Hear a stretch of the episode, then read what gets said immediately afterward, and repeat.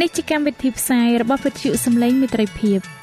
វិទ្យុសំឡេងមិត្តភាពសូមស្វាគមន៍អស់លោកអ្នកស្ដាប់ទាំងអស់ជាទីមេត្រី នាងខ្ញុំសេកសុចិន្តាវតី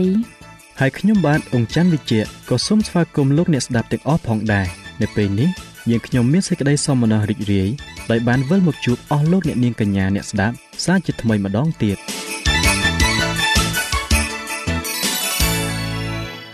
នាងខ្ញុំសេកសុចិន្តាវតី សូមជម្រាបជូនកម្មវិធីផ្សាយដែលមានជាបន្តបន្ទាប់ដូចតទៅនេតិជំហានទៅកាន់ព្រះគ្រីស្ទនេតិផ្លូវសម្រាប់ជីវិត ចា៎លោកអ្នកស្ដាប់ជាទីមេត្រី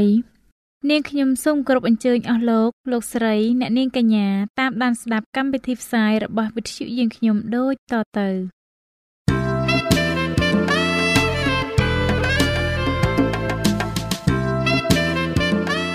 នីតិជំហានទៅកាន់ព្រះគ្រីស្ទ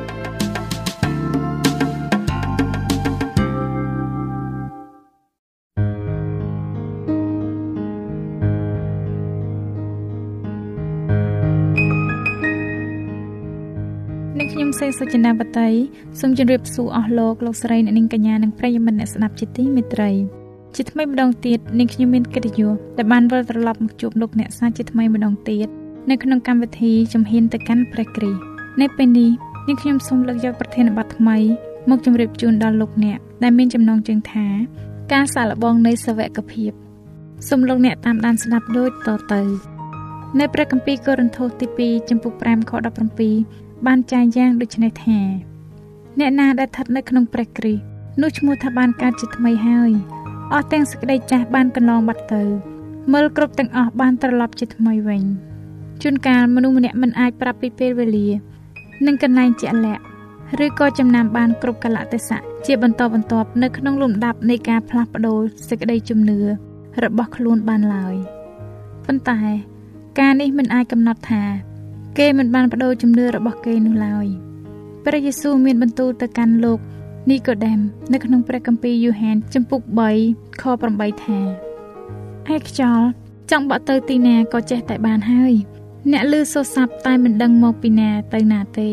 ចំណែកអស់អ្នកដែលកើតពីព្រះវិញ្ញាណនោះក៏ដូចនេះដែរអស់លោកអ្នកជាទីមេត្រី ដូចជាខ្យល់ដែលមើលមិនឃើញ តែផលរបស់វា អាចមើលឃើញ និងដឹងយ៉ាងច្បាស់ការនេះក៏ដូចគ្នានឹងព្រះវិញ្ញាណបរិសុទ្ធនៃព្រះជាម្ចាស់ដែលធ្វើការនៅក្នុងដួងចិត្តនៃមនុស្សលោកដែរអំណាចនៃព្រះវិញ្ញាណបរិសុទ្ធបានបង្កើតថ្មីដែលគ្មានភ្នែកមនុស្សលោកណា អាចមើលឃើញ នោះបង្កើតជាជីវិតថ្មីនៅក្នុងព្រលឹងវិញ្ញាណមនុស្សហើយក៏បង្កើតជាមនុស្សថ្មីឲ្យដូចជាអង្គទ្រង់ការងារនៃព្រលឹងវិញ្ញាណស្ថិតក្នុងភាពស្ងប់ស្ងាត់និងមិនអាចយល់បាន តែផលនៃព្រះវិញ្ញាណនោះបានបើកបង្ហាញឲ្យឃើញយ៉ាងច្បាស់ប្រសិនបើលោកអ្នកបានកើតជាថ្មីដោយព្រះវិញ្ញាណបរិសុទ្ធនៃព្រះជាម្ចាស់ជីវិតនោះនឹងធ្វើជាសេចក្តីបន្ទាល់នៃសេចក្តីពិត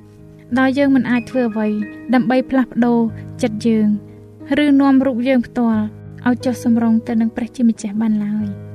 នោះហើយមិនត្រូវទុកចិត្តលើខ្លួនឯងឬអំពើល្អរបស់យើងទេ ជីវិតយើងនឹងបានដូចជាកត្តាមួយយ៉ាងសំខាន់ដែលសម្ដែងឲ្យឃើញថាសេរីល្អនៃព្រះកំពុងសន្តិដ្ឋលើរូបយើងឬយ៉ាងណា ការផ្លាស់ប្ដូរអាចមើលឃើញតាមរយៈអត្តចរិតទម្លាប់និងសកម្មភាពផ្សេងផ្សេងរបស់យើង សភាពផ្ទុយគ្នានឹងត្រូវបានឃើញយ៉ាងច្បាស់និងសម្រេចចិត្ត រវាងអំពើដែលធ្វើកន្លងមក និងអំពើដែលកំពុងកើតឡើងអត្តចរិតនឹងបង្ហាញឲ្យឃើញ គឺមិនមែនតាមរយៈអំពើល្អឬអំពើអាក្រក់ដែលកើតឡើងម្ដងម្កាលនោះទេក៏ប៉ុន្តែដោយតាមទំនោរនៃពាក្យពេចន៍ដែលคล้ายជាទម្លាប់និងសកម្មភាពនោះវិញអស់លោកអ្នកជាទីមិត្តតើការពិតដែលមនុស្សអាចមានអេរយៈបទខាងក្រៅល្អបានដោយមិនចាំបាច់ទទួលអំណាចជាថ្មីពីព្រះគ្រីស្ទ ការចង់បានអធិពលនិងការចង់ឲ្យអ្នកដតីកោតក្រែងអាចបណ្ដាលឲ្យគេខំរស់នៅដោយមានរបៀបរបបល្អប្រពៃទៅបាន គេគោរពខ្លួនឯងការគោរពខ្លួនឯងអាចនាំឲ្យមនុស្សជៀសវាងអំពើទុច្ចរិតបានខ្លះដែរប៉ុន្តែយើងសូមសួរសំណួរថាតើនរណាដែលយើងស្រឡាញ់តើគំនិតយើងស្ថិតនៅជាមួយនឹងនរណាតើយើងចង់ពិភាក្សាជាមួយនឹងនរណាបើយើងស្រឡាញ់នរណាជាងគេ តើយើងចំណាយធម៌ពលរបស់យើងដើម្បីនរណាប្រសិនបើយើងជាកម្មសិទ្ធិរបស់ព្រះគ្រីស្ទនោះមានន័យថាចិត្តគំនិតរបស់យើងនឹងស្ថិតនៅជាមួយនឹងទ្រង់ហើយចិត្តដ៏ទន់ភ្លន់របស់យើង គឺជារបស់ទ្រង់ផងដែរភារកិច្ចរបស់យើង គឺឧទ្ទិសខ្លួនថ្វាយដាច់ដល់ទ្រង់តែមួយអង្គប៉ុណ្ណោះយើងប្រាថ្នាចង់ឲ្យដូចជារូបអង្គទ្រង់ឲ្យមានព្រះវិញ្ញាណបរិសុទ្ធរបស់ទ្រង់នៅក្នុងរាល់ដង្ហើមចេញចូល និងមានឆន្ទៈធ្វើតាមព្រះハរតីរបស់ទ្រង់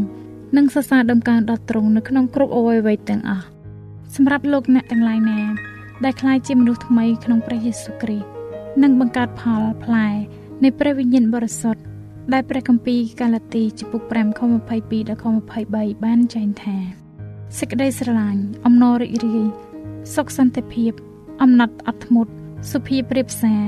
សប្បុរសស្មោះត្រង់ស្លូតបូតនិងដឹងខុសត្រូវនេះមានន័យថា អ្នកណាជាមនុស្សថ្មីនឹងមិនតបតែងខ្លួនតាមរបៀបឬតាមតម្រិចដូចពីពេលមុនទៀតឡើយ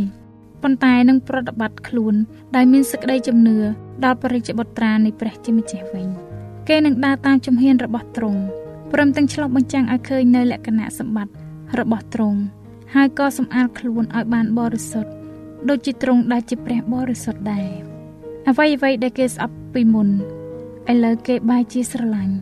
ហើយអ្វីអ្វីដែលគេស្រឡាញ់ពីមុនបែរជាទីសំអប់ដល់គេទៅវិញ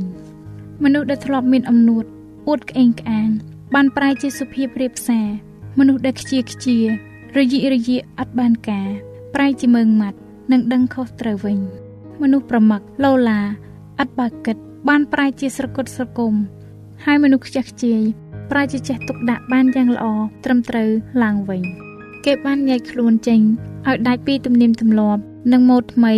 លោឆាយទាន់សម័យរបស់លោកីដែលឥតបានការទាំងឡាយ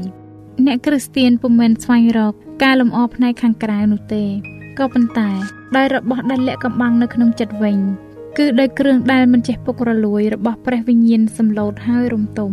នេះប្រសិនបើបានមើលនៅក្នុងព្រះគម្ពីរពេត្រុសទី1ចំពុក3ខ3ដល់ខ4ក្នុងខណៈដែលយើងជាមនុស្សមានបាបតែងតែមានកំហុសចូលមករកព្រះគ្រឹះហើយខ្លាចទៅជាអ្នករួមចំណែកទទួលព្រះគុណដែលអត់ទោសបាបអំពីទ្រង់នៅសេចក្តីស្រឡាញ់នឹងលេចឡើងនៅក្នុងដួងចិត្តរបស់យើង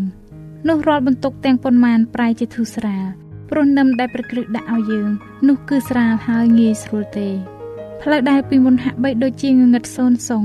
ឥឡូវប្រែជាភ្លឺត្រចេះត្រចង់ដោយសាររស្មីមកពីព្រះអាទិត្យនៃសេចក្តីសុចរិត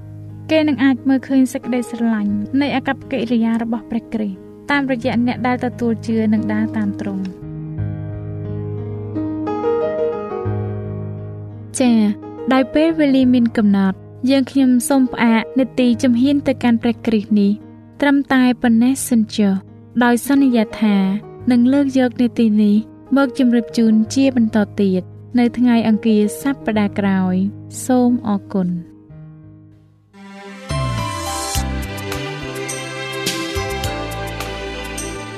វិទ្យុសំឡេងមេត្រីភាព AWR ជាវិទ្យុដែលនាំមុខគេក្នុងការនាំព្រះរាជសាររបស់ព្រះជាម្ចាស់សម្រាប់លោកអ្នក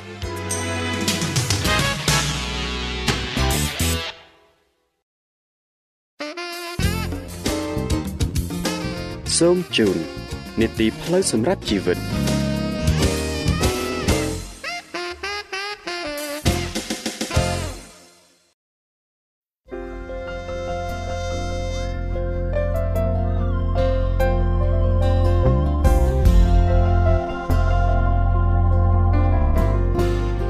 ា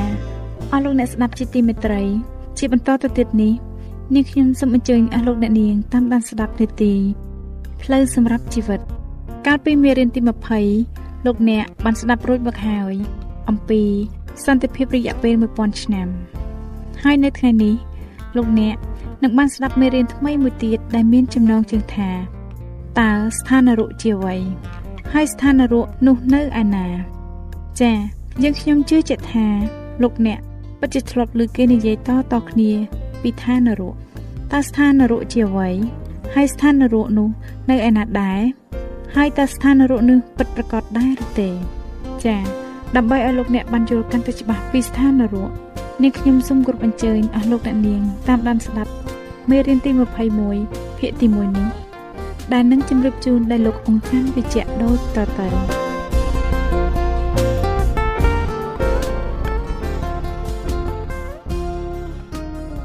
នីតិផ្លូវសម្រាប់ជីវិត តើស្ថានរូបជាអ្វីហើយនៅឯណាក្មេងប្រុសម្នាក់អង្គុយស្ដាប់ឪពុកវានិយាយអំពីស្ថានរូបឪពុកវាក៏និយាយថា មានកុមារជាច្រើននៅស្ថានរូបមិនធំមិនតូចជាងគ្នាប៉ុន្មានទេ ពួកគេត្រូវបានទទួលវាសនារងទុក្ខដោយដុតក្នុងភ្លើងនៅទីនោះរហូតអស់កលក្មេងនោះបាននិយាយថាបើសិនជាការនេះព្រះជាអ្នកធ្វើខ្ញុំមុខជាស្អប់ព្រះជាមិនខាន ក្មេងប្រុសនោះបានចម្រើនពេញវ័យឡើងក៏ក្លាយទៅជាអ្នកបញ្ជាសាសនាមួយដ៏ធំនៅក្នុងពិភពលោកក្មេងប្រុសនោះឈ្មោះ Robert Ingersoll Robert Ingersoll នេះ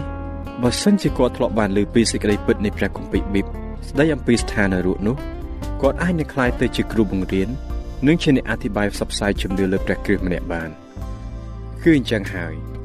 សូម្បីនៅក្នុងចំណោមអ្នកគ្រីស្ទានក៏ដោយក៏នៅមានទស្សនៈជាច្រើនស្ដីអំពីស្ថានរូប ដែលមិនសមស្របទៅនឹងបទគម្ពីរដ៏ថ្លៃថ្លាសោះព្រះអង្គម្ចាស់ទ្រង់បានមានព្រះបន្ទូលដើម្បីឲ្យយើងទាំងអស់គ្នាបានដឹងពីការពិតខាងក្រោមនេះគឺជាទស្សនៈដ៏ខុសមួយ របស់លោកគ្រូគង្វាលម្នាក់ស្ដីអំពីស្ថានរូបគាត់បាននិយាយថាស្ថានរូបពេលនេះជាស្ថានមួយដ៏វិលវល់ទៅដោយក្តីរងគ្រោះដល់រូបកាយនិងព្រលឹងដែលនៅទីនោះព្រះដ៏មានគ្រប់ព្រះចេស្តាបានផ្លុំបណ្ដាតភ្លើងទៅលើអ្នករាល់គ្នាជាប់ជានិច្ចរៀងរហូតឥតឈប់ឈរ អ្នករាល់គ្នាអាចស្រែកសុំសេចក្តីសន្តោសក៏ប៉ុន្តែ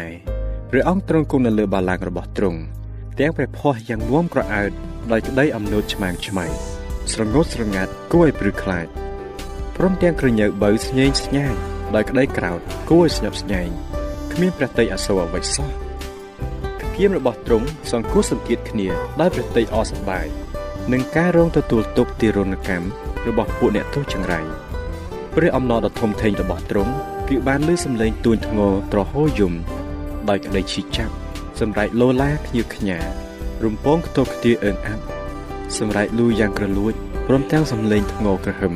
ពេលចិត្តដាច់ខ្យល់នៃពួកអ្នកដែលព្រះសបាយប្រតិយនឹងដាក់ទរណកម្មឲ្យរៀងរហូតទៅអស់កលជានិច្ចជាសោតនិតកម្មដ៏ធំមួយយ៉ាងណាទៅដែលលោកគ្រូគង្វាល Fonatan Edward ពុំដែលបានបង្រៀនពីសេចក្តីពិតនៃព្រះគម្ពីរស្ដីអំពីស្ថានរូបទស្សនៈបែបនេះផ្ទុយស្រឡះទៅនឹងធម្មជាតិនៃព្រះអង្គម្ចាស់ព្រះគម្ពីរយ៉ូហានទី1ចំពុក4ខ8បានសម្ដែងប្រាប់ថាពីព្រោះព្រះទ្រង់ជាសេចក្តីស្រឡាញ់នោះឯង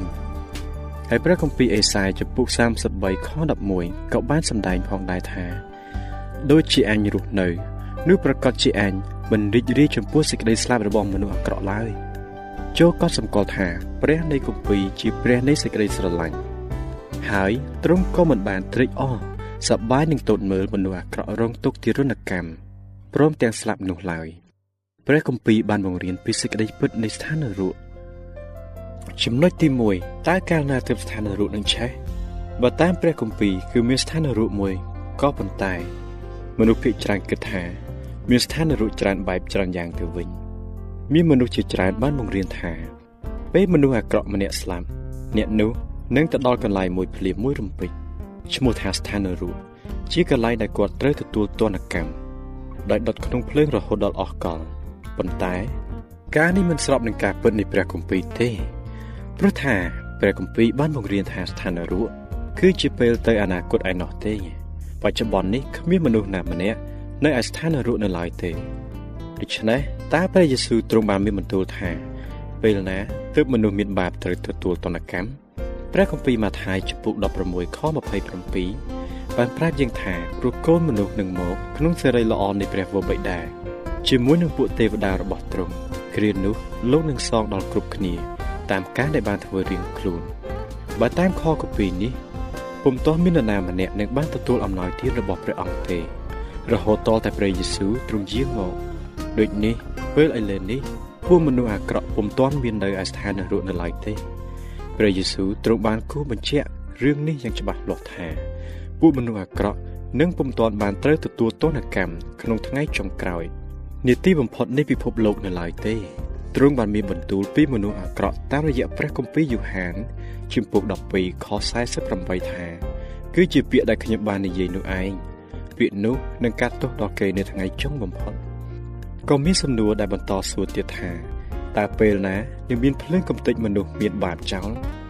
យើងអាចរកចម្លើយឃើញនៅតាមរយៈព្រះគម្ពីរម៉ាថាយជំពូក13ខ38ដល់ខ40ដែលចែងអំពីមនុស្សអាក្រក់ថាហើយស្រងាយគឺជាអស់ទាំងមនុស្សរបស់អាកំណាចវិញដូច្នេះដែលគេជ្រុលស្រងាយដុតបន្សោះក្នុងភ្លើងជាយ៉ាងណានោះដល់បំផុតក៏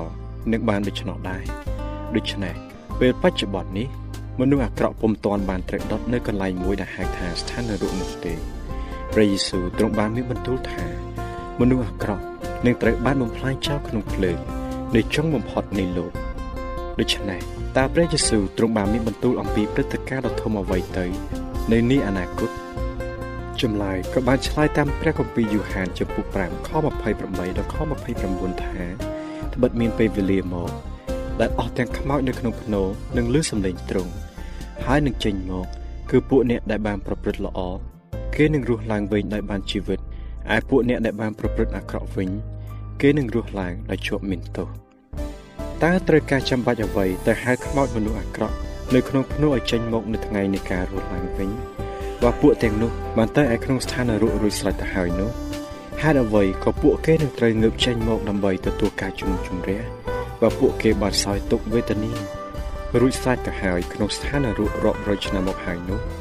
ការនេះនឹងមិនសមហេតុសមផលអ្វីសោះឡើយព្រះយេស៊ូវទ្រង់បានបង្រៀនថាមនុស្សអាក្រក់ដេកលក់នៅក្នុងភ្នូរហូតទាល់តែដល់ថ្ងៃនៃការរស់ឡើងវិញពេលនោះពួកគេនឹងចេញមកខាងមុខដើម្បីទទួលទណ្ឌកម្មរបស់ពួកគេ បច្ចុប្បន្ននេះពួកគេពុំទាន់បានទទួលសោយទុក្ខវេទនានៅឡើយទេ នៅឯស្ថាននរកនោះចំណុចទី2តើស្ថាននរកនៅឯណា តើព្រះគម្ពីរបានសម្ដែងអំពីតនកម្មជាចុងបញ្ចប់របស់ពួកមនុស្សអាក្រក់នោះយ៉ាងណាខ្លះនៅនាពេលដែលចិត្តដល់រយៈពេល1000ឆ្នាំនោះពួកមនុស្សអាក្រក់ត្រូវបានប្រោសឲ្យងើបឡើងតាមរយៈព្រះគម្ពីរវិវរណៈជំពូក20ខ9ខ14និងខ15បានចែងប្រាប់យើងថា ពួកគេក៏ឡើងទៅពេញពាសលើផែនដី ទីដំឡើងត្រសាររបស់ពួកបរិសុទ្ធហើយនឹងទីក្រុងស្ងួនភ្ងាដែរ តែមានភ្លើងធ្លាក់ពីលើមេឃមកអំពីព្រះបញ្ឆេះគេទាំងអស់ទៅ រួចអារក្សដែលនាំគេឲ្យវង្វេង បានត្រូវបោះទៅក្នុងបឹងដែលឆេះជាភ្លើងនិងស្ពាន់ធរចំណែកសេចក្តីស្លាប់និងស្ថានខំប្រលឹងមនុស្សស្លាប់នោះត្រូវបោះទៅក្នុងបឹងភ្លើងដែរនេះជាសេចក្តីស្លាប់ទី2បើអ្នកណាគ្មានឈ្មោះកត់ទុកក្នុងបញ្ជីជីវិត អ្នកនោះត្រូវបោះទៅក្នុងបឹងភ្លើងជាមិនខាននៅពេលដែលពួកអាក្រក់បានត្រូវប្រោះឲ្យងើបឡើងនោះ គឺនៅលើផែនដីនេះឯង ដែលពួកគេត្រូវទទួលទណ្ឌកម្មរបស់គេគ្មានកន្លែងឬបន្ទប់ណាគួរឲ្យរន្ធត់សម្រាប់ធ្វើទារុណកម្មដែលហៅថាស្ថានរុនោះឡើយប្រយោជន៍ដើម្បីសម្អាតសកលលោកប្រកបដោយអំពើបាបនេះមនុស្សមានបាបទាំងឡាយត្រូវបានទទួលការបំផ្លាញបន្សោះដោយភ្លើងឆេះនៅលើផែនដីនេះឯងចំណុចទី3ទីបញ្ចប់នៃអំពើបាបនិងមនុស្សដែលមានបាបទាំងឡាយតើមានអ្វីកាត់ឡើងដោយពួកមនុស្សអាក្រក់នៅពេលដែលពួកគេត្រូវដុតឆេះឡើងដូច្នេះ ព្រះគម្ពីរម៉ាឡាគីចំពុក4ខ1បានសម្ដែងថាត្បិតមើលថ្ងៃនោះកំពុងតែមកដល់ថ្ងៃនោះឆេះធ្លោដូចជាគប់ភ្លើងនឹងអស់ពួកអ្នកឆ្មាំឆ្មៃហើយនឹងអស់ពួកអ្នកដែលប្រព្រឹត្តអំពើអាក្រក់គេនឹងដូចជាចិញ្ច្រាំងហើយថ្ងៃដែលត្រូវមកដល់នោះនឹងឆេះបន្សោះពួកគេទាំងអស់ទៅឥតទុកឲ្យគេមានរឹសឬមែកនៅសល់ឡើយនេះហើយ ជាព្រះបន្ទូលរបស់ព្រះយេហូវ៉ា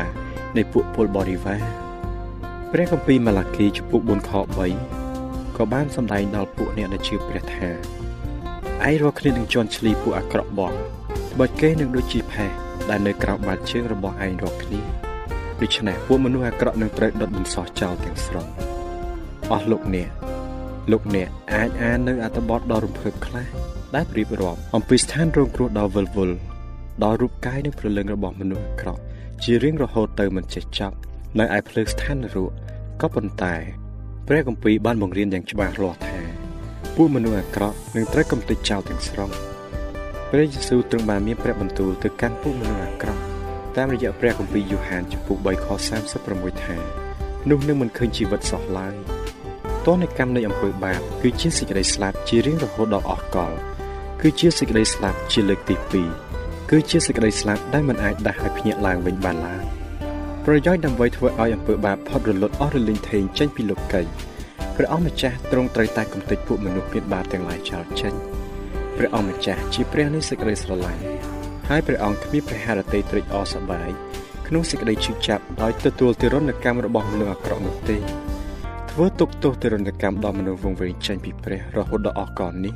គឺមិនត្រឹមត្រូវឡើយធ្វើយ៉ាងនេះមនុស្សខ្លះដែលវង្វេងចេញពីព្រះ នឹងប្រព្រឹត្តអំពើអាក្រក់រឹតតែខ្លាំងឡើងខ្លាំងឡើងនៅពេលដែលអ្នកឯទៀតរីមីមិនអើពើនឹងទទួលយកព្រះយេស៊ូវជាព្រះអង្គសង្គ្រោះរបស់ខ្លួនឡើយតើវានឹងជាការត្រឹមត្រូវណាស់ទៅឬដែលគ្រប់មនុស្សទាំងអស់នឹងត្រូវរងគ្រោះដល់រូបកាយនិងព្រលឹងនៅក្នុងភ្លើងនរកជារៀងរហូតយ៉ាងដូចនេះតើនឹងមានអ្វីកើតឡើងទៀតបន្ទាប់ពីពេលដែលភ្លើងបានឆេះសម្អាតអំពើបាបព្រមទាំងពួកមនុស្សមានបាបទាំងឡាយនៅលើផែនដីហើយយ៉ាងដូចនេះ ព្រះគម្ពីរអេសាយចំពុក47ខ14បានចែងថា មើលគេនឹងបានដូចជាជញ្ជ្រាំងភ្លើងនឹងឆេះគេអស់ទៅ គេនឹងដោះខ្លួនឲ្យរួចពីអំណាចភ្លើងមិនបានឡើយភ្លើងនោះនឹងមិនបានជារងើកដែលគ្រាន់តែលមមនឹងអាំងកម្ដៅខ្លួនឬជាភ្លើងដែលអង្គុយជុំវិញប៉ុណ្ណោះទេគ្មានភ្លើងសំបីតែរងើកក្ដៅមួយនឹងនៅសល់ពេលដែលពួកមនុស្សអាក្រក់បានត្រូវកំទេចចោលហើយនោះក៏គ្មានដែរ ព្រះគម្ពីរទំនុកដំកើងចំពុក37ខ20បានសម្ដែងប្រាប់ថាតែមនុស្សអាក្រក់នឹងត្រូវវិនិច្ឆ័យទៅហើយពួកខ្មាំងនៃព្រះយេហូវ៉ានឹងដូចជាខ្លាញ់កូនជៀមគេនឹងត្រូវសូន្យបាត់ទៅ គេនឹងឆេះទៅជាផ្សាយអស់រលីងដល់បន្តិចទៀតមនុស្សអាក្រក់នឹងមិនមានទៀតទេអើអ្នកនឹងខំមើលកន្លែងគេ តែគេមិននៅឡើយតើព្រះអម្ចាស់ទ្រង់នឹងបញ្ចប់សេចក្តីនឹកចាំអំពីទុកព្រួយរបស់យើងពីមុនមកដោយរបៀបយ៉ាងណា ព្រះគម្ពីរវិវរណៈចំពោះ21ខ4បានឆ្លើយប្រាប់យើងថាព្រះទ្រង់នឹងជូតអស់ទាំងទឹកភ្នែកពីភ្នែកគេចេញនឹងគ្មានសេចក្តីស្លាប់ឬសេចក្តីសោកសង្រេងឬសេចក្តីយំទួញឬទុកលំបាកណាទៀតឡើយបើសេចក្តីមុនទាំងប៉ុន្មាន បានកន្លងបាត់ទៅហើយតើព្រះអង្គទ្រង់មានព្រះទ័យល្អសប្បុរសខ្លាំងក្លាប៉ុណ្ណាទៅនោះព្រះハរតីទ្រង់ឈឺចាប់ចំនួនអ្នកវង្វេងបាត់បង់ពេកក្រៃ អត្ថបទរបស់យើងបានសរសេរប្រាប់ថានឹងគ្មានសេចក្តីស្លាប់ឬទុកលំបាកណាទៀតឡើយការឈឺចាប់រងគ្រោះទុកទោសទារុណកម្មរបស់ពួកអ្នកវង្វេងនឹងត្រូវរលាយរលត់ចប់បាត់ទៅទាំងស្រុងដូចនេះហើយ បានជាព្រះយេស៊ូវទ្រង់មានព្រះទ័យស្រឡាញ់អាណិតអាសូរហើយទ្រង់នឹងយកកន្សែងដៃនៃសេចក្តីមេត្តាករុណាព្រមវិហារធម៌មកជូតទឹកភ្នែកឲ្យពួកអ្នកដែលបានសង្គ្រោះព្រះអង្គនឹងជូតឲ្យជ្រះស្រឡះ នៅសេចក្តីចងចាំអំពីទុកព្រួយដែលបានកន្លងផុតទៅព្រះគម្ពីរអេសាយចំពុក65ខ17បានចែងថាឯរបស់ពីមុនពីមុននោះនឹងគ្មានអ្នកណាដែលនឹកចាំទៀតទេក៏មិនដែលចូលទៅក្នុងគំនិតទៀតឡើយ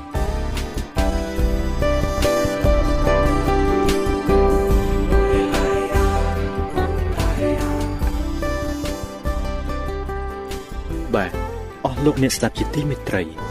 សូមឲ្យព្រះនៃយើងទ្រង់បានទទួលសេរីល្អកិត្តិនាមនិងព្រះជាស្ដាហើយសូមឲ្យអស់លោកអ្នកនាងបានប្រកបដោយព្រះគុណនិងសេចក្តីសុខសាន្តអំពីព្រះដ៏ជាព្រះវរបិតានិងពីព្រះយេស៊ូវគ្រីស្ទជាព្រះអម្ចាស់នៃយើងរាល់គ្នាអាមែន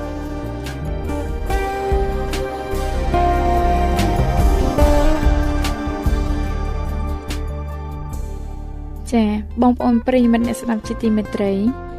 ដោយពេលវេលាមានកំណត់យើងខ្ញុំសូមផ្អាកនីតិផ្លូវសម្រាប់ជីវិតនេះត្រឹមតែប៉ុណ្ណេះសិនចុះដោយសន្យាថានឹងលើកយកនីតិនេះមកជម្រាបជូនជាបន្តទៅទៀតនៅថ្ងៃពុធសប្តាហ៍ក្រោយ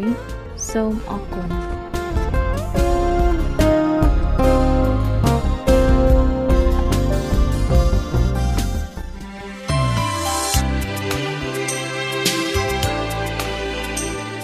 វិទ្យុសំឡេងមេត្រីភាព AWR មានផ្សាយពីរដងក្នុងមួយថ្ងៃគឺព្រឹកនៅម៉ោង6និងពេលយប់នៅម៉ោង8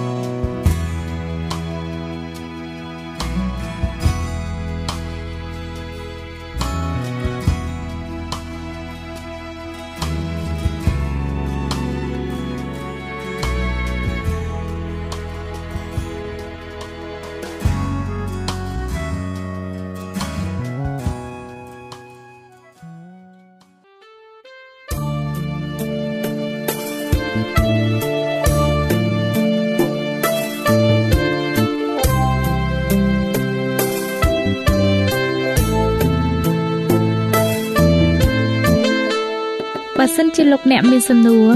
ឬសំណុំពរអ្វីសូមតាក់ទងមកការិយាល័យវិទ្យុយើងខ្ញុំ តាមអាស័យដ្ឋានផ្ទះលេខ15ផ្លូវលេខ568សង្កាត់បឹងកក់2ខណ្ឌទួលគោករាជធានីភ្នំពេញលោកអ្នកក៏អាចសរសេរសម្បត្តិផ្ញើមកយើងខ្ញុំ តាមរយៈប្រអប់សម្បត្តិលេខ488ភ្នំពេញឬតាមទូរស័ព្ទលេខ012 34 96 64ឬ097 80 81 060ឬក៏តាមរយៈអ៊ីមែល vol@awr.org យើងខ្ញុំរងចាំទទួលស្វាគមន៍អស់លោកអ្នកនាងដោយក្តីសោមនស្សរីករាយហើយលោកអ្នកក៏អាចស្ដាប់កម្មវិធីនេះឡើងវិញ ដោយចូលទៅកាន់ website របស់វិទ្យុយើងខ្ញុំ តាមរយៈអាស័យដ្ឋាន www.awr.org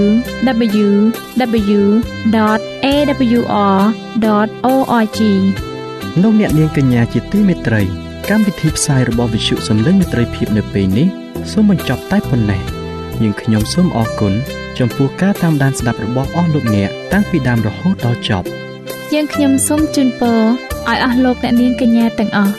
បានចម្រើនឡើងក្នុងព្រះគុណព្រះអង្គម្ចាស់ហើយក្នុងការទទួលយកព្រះយេស៊ូវគ្រីស្ទជាព្រះអង្គម្ចាស់និងជាព្រះអង្គសង្គ្រោះនៃយើងរាល់គ្នានាទីផ្សាយរបស់វិទ្យុយើងខ្ញុំនឹងវិលមកជួបអស់លោកអ្នកសាជាថ្មីម្ដងទៀតនៅថ្ងៃស្អែកវេលាម៉ោងដដែលនាងខ្ញុំសេកសុចិន្តាវតីនិងខ្ញុំបាទអ៊ំច័ន្ទវិជ្ជៈសូមអរគុណសូមជម្រាបលា